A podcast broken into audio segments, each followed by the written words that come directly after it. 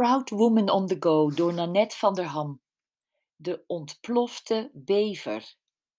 Het gebeurde alweer enige tijd geleden op een van mijn retraitereizen met mijn groepje dames. Een stel zeer verschillende vrouwen met hun eigen verhalen. Stuk voor stuk zo dapper, sterk en kwetsbaar dat we op dag twee een gevoel hadden dat we al jaren vriendinnen waren. Tevreden keek en luisterde ik hoe de een na de ander haar ervaringen en verdriet eruit gooide en de littekens van haar leven liet zien. En jij, Nanette? vroeg M toen het onderwerp mannen aan bod kwam. Oef, nu moest ik met mijn billen bloot. Nou ja, moeten. Maar iedereen was zo openhartig geweest en de kava bubbelde in mijn hoofd.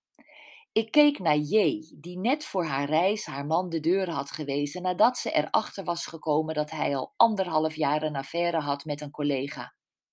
Ik keek naar K, die met haar hart aan een gebonden man vastzat die recent het contact met haar verbroken had. En ik zei: Ik heb Joep.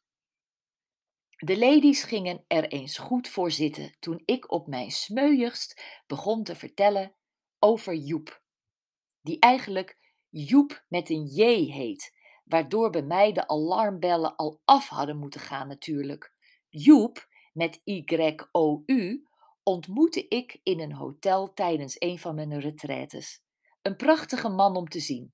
Goed in de kleren, leuke babbel, net uit een relatie en geïnteresseerd in niemand minder dan moi. Het was een jaar en twee maanden na mijn tweede scheiding en ik zat nog volop met een gebroken hart en een totaal ingeslapen door een roosje, als je begrijpt wat ik bedoel. Ik besloot ter plekke dat Joep me van beide zou gaan verlossen. Lang verhaal kort. Ik gooide mijn hengel uit, haakte hem in Joeps mooie Ralph Lauren tennistrui en takelde hem mijn hotelkamer binnen. Het enige dat ik kon denken terwijl ik uit mijn jeans stapte was: G, de naam van mijn betreurde ex, daar ga je. Joep stapte ook uit zijn kleren, bekeek mij van top tot teen, bleef in het midden hangen, haalde zijn handen door zijn volle bos blonde haren en sprak de historische woorden: Jezus, dat lijkt wel een ontplofte bever. Ik hield stil en keek de groep rond. M was de eerste die haar hand voor haar mond sloeg en riep: Nee! Wat heb je gedaan? piepte J. Ben je niet heel hard weggerend? Nee, dat was ik niet. Hoewel het huilen me nader stond aan het lachen en Joep ter plekke het stempel uberfoute man kreeg opgedrukt, heeft hij mij genomen. En ik hem.